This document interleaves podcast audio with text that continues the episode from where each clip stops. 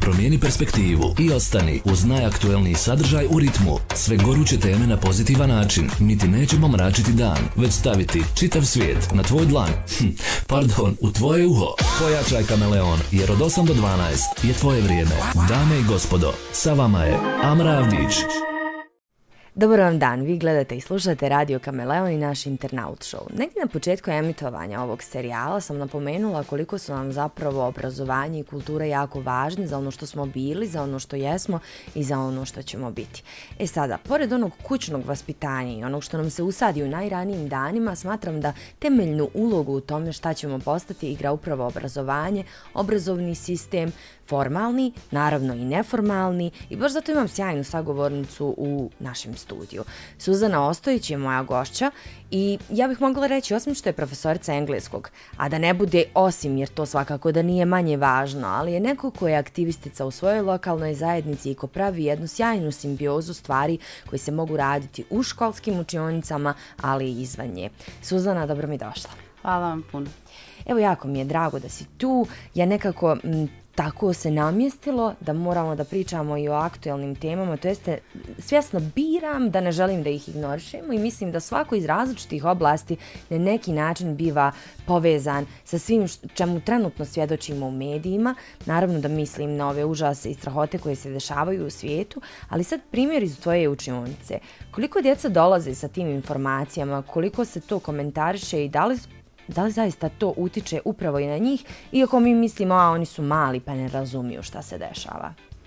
E, pa zapravo možda tek u tom malom uzrastu o, oni jesu onda tom, na tom nivou, to je nekakav period možda do trećeg ili četvrtog razreda, e, E, kad zapravo oni nisu toliko izloženi nekim ružnim vijestima i ovaj možda društvenim mrežama i televiziji, a kako, kako jel, bivaju stariji od četvrtog pa nadalje razreda, kako dobiju dopoštenje za korištenje e, i telefona i drugih elektronskih uređaja, a i, ali i društvenih mreža, mislim da e, učenici zapravo jako budu puno izloženi negativnim stvarima, jer naprosto servirano je sve ono što je crno, servirano ono što, tako da kažem, privlači lajkove negdje nekom portalu, a filter za takve vijesti e, ne postoji ili postoji u vrlo onako maloj mjeri. Ne znam da li se baš puno kont kontrolšu sadržaji koji su onako samo pušteni u javnost. Kako ti vidiš da to utiče na njih? E, pa vidite, sad ovo zadnji, zadnji moram se vratiti na taj na te tužne događaje poput Beograda ili evo našeg i Lukavca, utiče to sve na učenike na način da se i oni osjećaju nesigurno i da su i tužni i uplašeni i vidim da ne prija im zapravo to, ali naprosto oni o tome govore i pretpostavljam i jako puno razmišljaju i možda razgovaraju jedni između drugih, evo onako u svom nekom dječjem društvu o tim temama, samo ne znam na koji način. Da li neko od odraslih, evo kod kuće, i ne znam da li se mi u školama dovoljno trudimo ili imamo dovoljno vremena, znači postavljam pitanje da li mi to možemo i da li umijemo i da li imamo dovoljno vremena da mi e, razjasnimo tim malim glavicama sve te nekakve užase koji se dešavaju da bi oni da li mogu uopšte da razumiju, ali da im približimo na način e, da to njih ne povredi u tolikoj mjeri, ali da razumiju dovoljno da te ružne stvari ne bi trebale evo da se dešavaju i da one nisu tu naprosto zato što evo mi to želimo, nego negdje neko evo ne znam kako bih definisala, negdje neko možda nije dovoljno psihički stabilan ili zdrav, pa je napravio to što je napravio. A svi drugi koji su dovoljno e, dovoljno razumiju i dovoljno znaju i razlikuju dobro od lošega, ne trebaju i ne smiju nikada podržavati sve ono što je protiv jel, jedne osobe, protiv čovjeka, protiv postojanja škola bi trebala da bude neko sigurno utočište, e, mjesto, kako kažemo, jeli, tog odrastanja, napredovanja djece, njihovog formiranja. Mada mi često komentarišemo, Pa ja ću to najprostije reći. Ne valja nam obrazovni sistem, ne valjaju nam uslovi, e, internet je upropastio sve, e, nastavnici nemaju nikakvu kontrolu u svojim rukama, roditelji su grozni, pritom to sve pričamo isti mi koji smo u nekoj od ovih navedenih stavki sigurno akteri. Ne želim da negiram sve ove stvari koje sam navela, ali mislim da nije negdje ni fair potpuno prebaciti krivicu na nekog, a da to nismo mi. Kako tebi izgleda danas situacija u obrazovanju? I evo možemo pričati o tvom ličnom iskustvu, šta su nedostaci, pa ćemo kasnije pričati o nekim malo pozitivnim stvarima. E, ovako, da, jeste, zaista je teško u današnje vrijeme e, ući sa radošću u učioncu, a škola i taj poziv trebaju da su ljubav. E, to je onaj moj nekakav dojam mislim da svaki prosvjetni radnik e, treba da osjeća ljubav prema toj učionci, evo koji god da predmet predaje ili je jel, učitelj, prvo da osjeća ljubav i radost on ili ona kada ulaze u tu učioncu, a sve je manje toga. Zašto? Pa mislim da je na nastavnicima, ono prosvjetnim radnicima, veliki pritisak sadašnjosti, današnjice. Svi ti ljudi imaju svoje, evo recimo, vlastite probleme od kojih se ponekad ne mogu u tolikoj mjeri odvojiti kad ulaze u čuncu, a trebali bi. A kad živite u nesigurnim vremenima, onda je to teško. Kad živite u vremenima kada učenici, evo, zaista postanem emotivna kad to kažem, ali je to istina, kada učenici mogu unijeti oružje u čuncu i zloupotrijepiti ga bilo koji način, o, o, o, I sa takvim mislima jedan nastavnik ili nastavnica dolazi na posao i onda i to isto jedan od faktora zašto je tim nastavnicima teže obavljati taj njihov posao. Zatim, ono što nama u učioncama i u školama zaista nedostaje su ta nekakva tehnička pomagala, od kojih evo mi nekako sad po nekim najnovijim preporukama treba da bježimo to je potpuno meni nelogično, ali ja sad govorim samo za sebe. Da budemo specifični, mislimo, mislimo na telefone, telefone tablete, tablete i sve ono drugo što se može iskoristiti u učionci na onako jedan dobar način, poput dobrog kompjutera ili evo osrednje kompjutera uz projektor koji imate u učionci, ali da vi ne mislite o tome da li imate produžni kabel u učionci ili ćete ga kupiti pa nosati svaki put kad vam treba sa sobom u torbi ili hoćete li taj dan ponijeti svoj laptop ovaj, od kuće pa ako putujete autobusom to vam stvara dodatni teret i tako dalje i tako dalje. Znači, e, prvo optimizam to ono, ono što ja mislim da nedostaje prvo su je optimizam i motivacija ona naša iskonska želja koju smo možda osjetili kad smo upisivali i odabrali da upišemo nastavnički fakultet bilo kojeg smjera, da nas to održi kroz dugi niz godina, da s istom radošću i veseljem ulazimo u učioncu. A onda idemo na ove neke druge materijalne stvari tipa ta tehnička opremljena škola i sad ja vama govorim o tehničkoj opremljenosti škola, postoje škole reći ću samo na našem kantonu, kojima nemate dobre klupe, nemate dovoljno dobre čvrste stolice na kojima učenici sjedi. Da ne kažem da su ti, ne znam, toaleti razoreni, da, da učenici dolaze u čionce koje nisu okrečene i tako dalje i tako dalje. Znači, vežemo se i za materijalnu. Tak, I na kraju ovo, ovo što, što sad vreba, to je sigurnosno pitanje to su ti neki nedostaci. Uz sigurnosno pitanje nas vežu sad uh, trenutno različiti protokoli.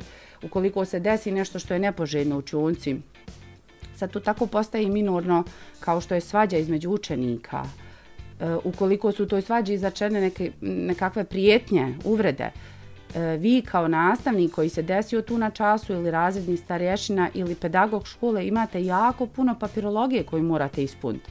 Sve su to stvari koje um, oduzimaju um, recimo vrijeme koje se može utrošiti na pripremu zanimljivijeg časa nego što je inače. Sve su to stvari koje su formalne, u kojima vi morate voditi računa kakve riječi koristite. Svaka vaša riječ se može drugačije potumačiti. Primijetio je ili desilo se ili svaka ta riječ vas veže za novi novi iskaz koji morate napraviti. I mislim da su nastavnici opterećeni tom administracijom i papirologijom. Ja znam da mi ne možemo sada trenutno rad drugačije. Jednostavno je takva situacija da mi to moramo.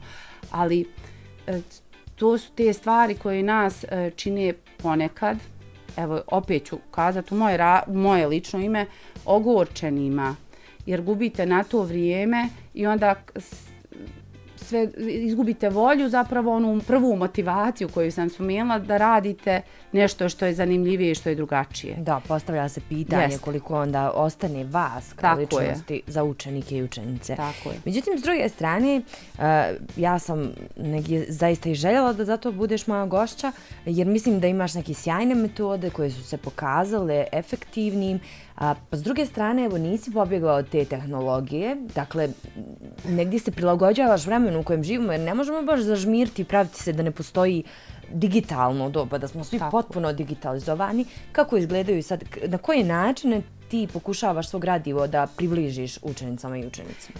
E, pa, evo, ono što, što zaista u današnje vrijeme treba da se radi, a to je da se organizuje čas da učenici ne sjede baš cijelo vrijeme na času. To vam je jako važno u mlađem uzrastu. Evo ja sam nastavnica engleskog jezika, ali e, trudim se da naročito s učenicima mlađeg uzrasta na svakom času e, imamo aktivnost kad oni ustanu i, i uključimo e, total physical response, pot, potpuno da bude tijelo uključeno u, u, i to se može primijeniti skoro na svakoj lekciji šta god da radimo, ne moraju to biti samo dijelovi tijela ili brojevi ili boje gdje možete jako puno pokreta da koristite. Može biti pokret koji će oni ponavljati posle, posle mene u potpunoj tišini, ali je bitno da ustanu i da se malo kreću. Na taj način učenici eto malo onako kako ispucaju evo mm. svoju nekakvu energiju koju i onda imaju posle vremena i, i bolje im se lakše im se fokusirati na određene lekcije. Um, što se tiče tehnologije ovu koju si spomenula, to nije nešto od čega trebamo bježati. Mi učenicima zapravo trebamo da pokažemo kako da e, tehnologiju iskoriste u svoju korist. Evo banalan, najjednostavniji primjer je da e, recimo e, preporučite učenicima dobar online rječnik i zatim da e, u uvodnom recimo dijelu ili završnom ili bilo kojem drugom dijelu časa nije uopšte bitno da jedan dio časa zapravo bude posvećen tome da učenici e, pronađu definicije određenih riječi ili primjere koji sadrže tu neku novu riječ ili ovaj da jedni drugima zadaju možda nove riječi pa da oni pronađu značenje. Znači evo taj online rječnik se može iskoristiti super na času. Ponekad možda malo to bude teško jer mi nastavnici recimo moramo podijeliti svoj internet. Ali evo jednom mjesečno zašto da ne? I ova, ja sam jučer sjajan, ne moram baš onako da se pohvalim, sjajan čas imala jer su u, učenici dobili te neke, evo recimo, teške riječi koji su treba, za koje su trebali sami pronaći značenja, definicije, prijevode, primjere. I, o, i onda smo posle to čitali, raspravljali o tome, uspoređivali da li su svi pronašli iste ili slične definicije i prijevode, tako da mislim da, evo, najjednostavniji primjer je, a hrpa je uh, E, mogućnosti da napravite kvizove za provjere znanja. E, svako e, dijete, evo pa skoro svako ima telefon koji može podržati određenu aplikaciju ili barem na klupi ima jedan telefon i onda vi to možete odraditi. Ali naravno vi trebate postav granice. Ja u svojoj učionci imam kutiju najjednostavniju kutiju od cipjela za, za, za telefone. I na početku časa učenici odlažu telefone u tu kutiju i ukoliko nam treba na času, svako ustane i uzme svoj telefon. Na kraju časa svi učenici prolaze pored te kutije, jednostavno uzmaju svoje telefone i iznose. Znači samim time njihovi telefoni su bili tu, e, koristili smo ih na času, nisu nas ometali ti isti telefoni na času i može to funkcionisati. Zašto ne bilo otpora? Kako, prilikom, da, da prilikom prve ideje. Da, da, da, kako, evo to mi je sjajno, ako nije bilo, želim da čujem kako ste to, pa, kako ste to uh, Ja sam to uh, jako davno ovaj počela da radim, evo sad ono, era prije covida. I onda, da, da, život da, i onda nekako u covidu, ja, to, taj mi je period nekako umagli, ja sad, evo, imamo tu fotografije mene s maskom i evo, da. imamo nekakvu prezentaciju, nešto, Ali evo, u tom periodu ja se nešto ne sjećam da smo mi nek, nešto telefone, ne znam da su djeca donosila, nekako ne mogu da povežem. Sad sam od prošle školske godine ponovo uvela tu kutiju za telefone i ponekad oni ne ostavi ili zaborave ili zaborave. Ono. Zaborave. Da, zaborave.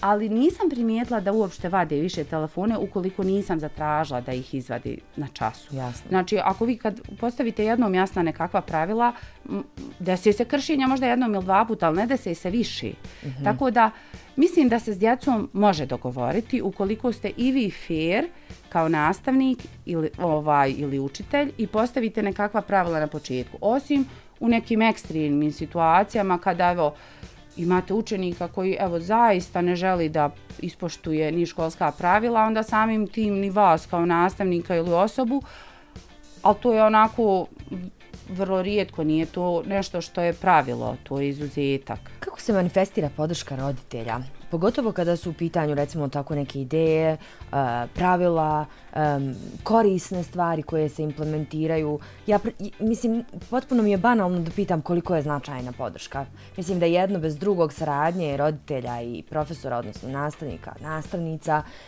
to onda nije zatvoren pozitivan krug. Ali evo, kako generalno taj odnos? Pa vidite, imate, imate i one roditelji koji vam pružaju podršku, a imate i ove koji, evo, možda nisu baš za nekakve inovacije i nove ideje. I uvijek morate balansirati, naći mhm. nekakvu zlatnu sredinu e, i realizovati onoliko koliko možete. Ja kad pišem nastavne pripreme, pa tamo imate očekivane rezultate u jednom dijelu, nikada ne stavljam ono što bi mogao biti najbolji očekivani rezultat. E, uvijek se držim sredine jer znam da ćemo to vjerovatno ostvariti. Ukoliko mi ostvarimo i više od tog planiranog, super, divno. Ali ne treba očekivati previše, e pa tako ni od, svak, ni od bilo koje situacije, od e, razgovora i s roditeljima i sa učenicima. Najčešće svi prihvataju te inovacije, ali opet kažem, desi se da neko nekad kaže, e to nije bilo u redu ili zašto ste to uradili ili nemojte vi men to da tražite. I nastavnici su vam često i pod takvom vrstom pritiska. Mm -hmm. da, da se od njih očekuje da rade najbolje, ali da budu bezgrešni. Jasno. Da pruže ma svoj maksimum, a da traže minimum, recimo, A ja volim da tražim od učenika onoliko i koliko sam pružila, zašto da ne. Ali ako to nije moguće, onda se vraćam na one moje srednje očekivane ja. rezultate. Po, obzirom da te poznajem, znam da sigurno pokušavaš izvući maksimalni potencijal iz svojih učenika i učenica. Mimo toga si jako aktivna u svojoj lokalnoj zajednici. Um, šta je tvoj pokretač i na koji način joj, pa, hajde da kažem, daješ i vraćaš nazad? E, to je sad posebna vrsta ljubavi e, rad u lokalnoj zajednici. To je nešto onako što sam ja željela za svoju, za svoju lipnicu, evo kad već mogu, imam priliku da kažem, e, nešto što sam ja željela da e, lipnica ima od mene i ja od lipnice. E, mi na nivou nekakve naše lokalne grupe aktivista e, E, jako puno surađujemo sa mrežom aktivnih zajednica i fondacijom Tuzlanske zajednice i svima onima koji jel, želi da surađuju. Mi u, u, u Lipnici imamo divan, neiskorišten, tako da kažem, ne u potpunosti iskorišten prostor Centra za kulturu Tuzla, koji se kod nas u Lipnici zove popularno kuća solidarnosti. Zapravo je to bila švedska kuća u samom svom početku. Nekad iza rata su šveđani tu kuću kao dom kulture poklonili Lipnici i mještanima Lipnici.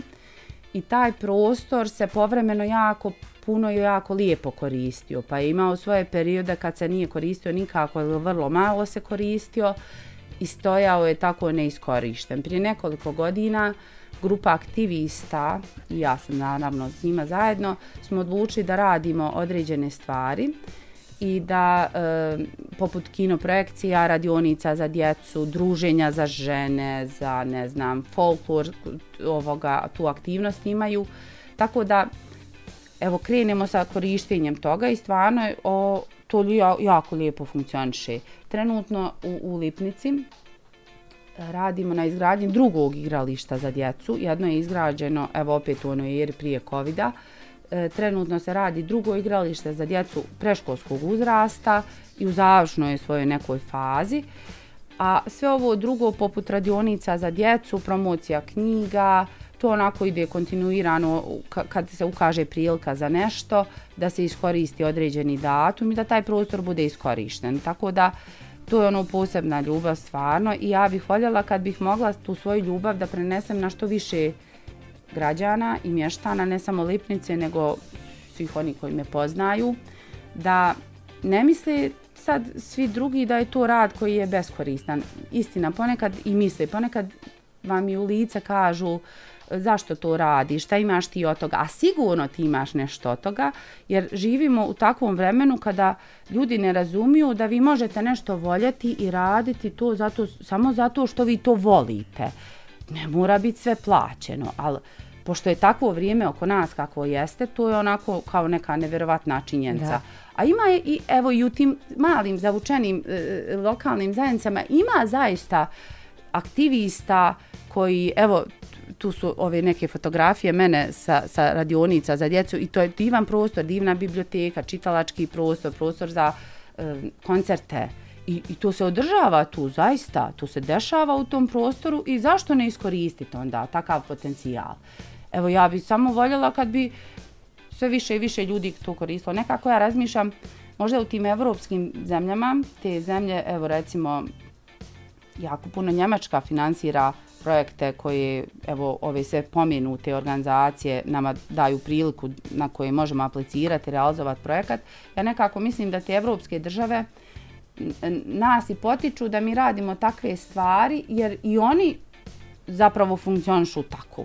I bilo bi lijepo kad bismo mi krenuli da razvijamo našu svijest na taj način da Samo mi ako sebe založimo malo za nešto, možda će nam biti bolje. Ukoliko budemo čekali da nam neko nešto pruži i donese, evo, organizuje zajednicu ili da mi čas organizuje, ja ne znam, hoćemo mi moći tako funkcionisati sad narednih 10, 20, 50 godina. Ukoliko sami mi to onako, mjesna zajednica je osnovna ćelija, kao, kao porodica je osnovna ćelija društva, a onda mi iza porodice dolazi mjesna zajednica pa je to onaj neko ko bi trebao da se brine o građanima, pa da to prelazi na druge nivoje.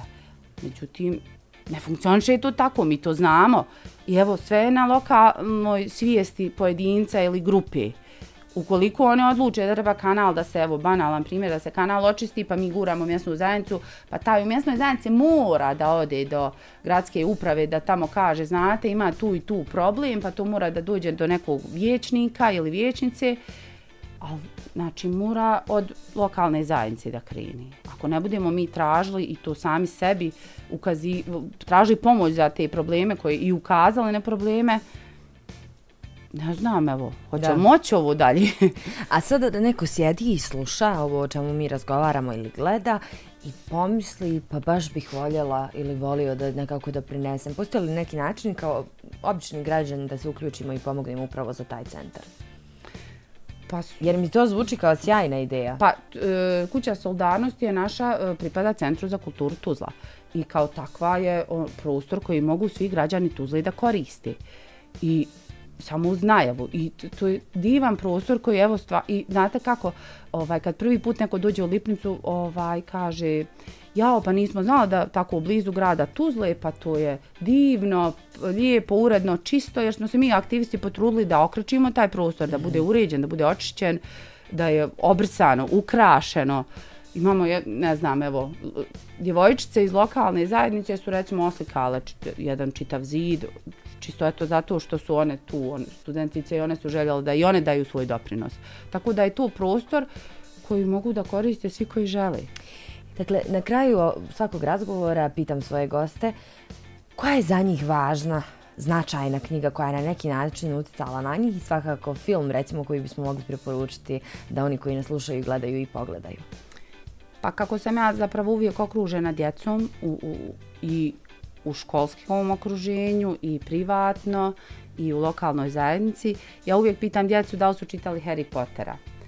E, odličan način da izađete iz ovog okruženja kako jeste i da odete u drugačiji svijet, svijet mašte i također svijet borbe. Svijet u kojem vidite načine na koji možete da se izborite protiv zla i uvijek e, pobjedi ono što je dobro. I također filmovi Harry Potter, evo ko uživa u, u naučnoj fantastici i u sjajnim efektima, može zapravo i tu da pronađe. Sjajno. Koliko si puta pročitala ili pogledala Harry Pottera? Pa Harry Potter me veže za studentske dane.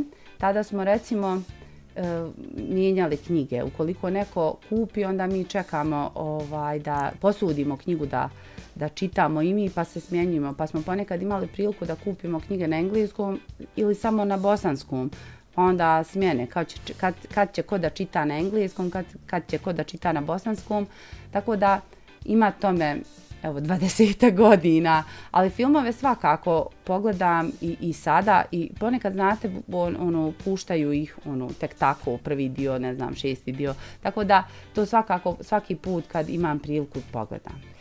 Hvala mnogo na ovom razgovoru i hvala za sve sjajne stvari koje zaista činiš sa ovim najmanjima koji trebaju porasti u neke kvalitetne i dobre ljude. Ja mislim da sa tvojom eh, palicom, odnosno pod tvojom dirigentskom palicom, to sigurno hoće. Hvala vama na prilici da e, kao prosvjetni radnik mogu da kažem i ono što me čini ponekad i tužnom, ali zapravo da mogu da kažem da je rad s djecom ono što me čini e, zaista iznimno sretnom osobom i stvarno je to ono što, što svim srcem i dušom radi. I to se i osjeti. Hvala vam. Hvala svakako i vama što ste bili uz Radio Kameleon. Ostanite i u nastavku. Promijeni perspektivu i ostani uz najaktuelniji sadržaj u ritmu. Sve goruće teme na pozitivan način. Mi ti nećemo mračiti dan, već staviti čitav svijet na tvoj dlan. Hm, pardon, u tvoje uho. Pojačaj kameleon, jer od 8 do 12 je tvoje vrijeme. Dame i gospodo, sa vama je Amra Avdić.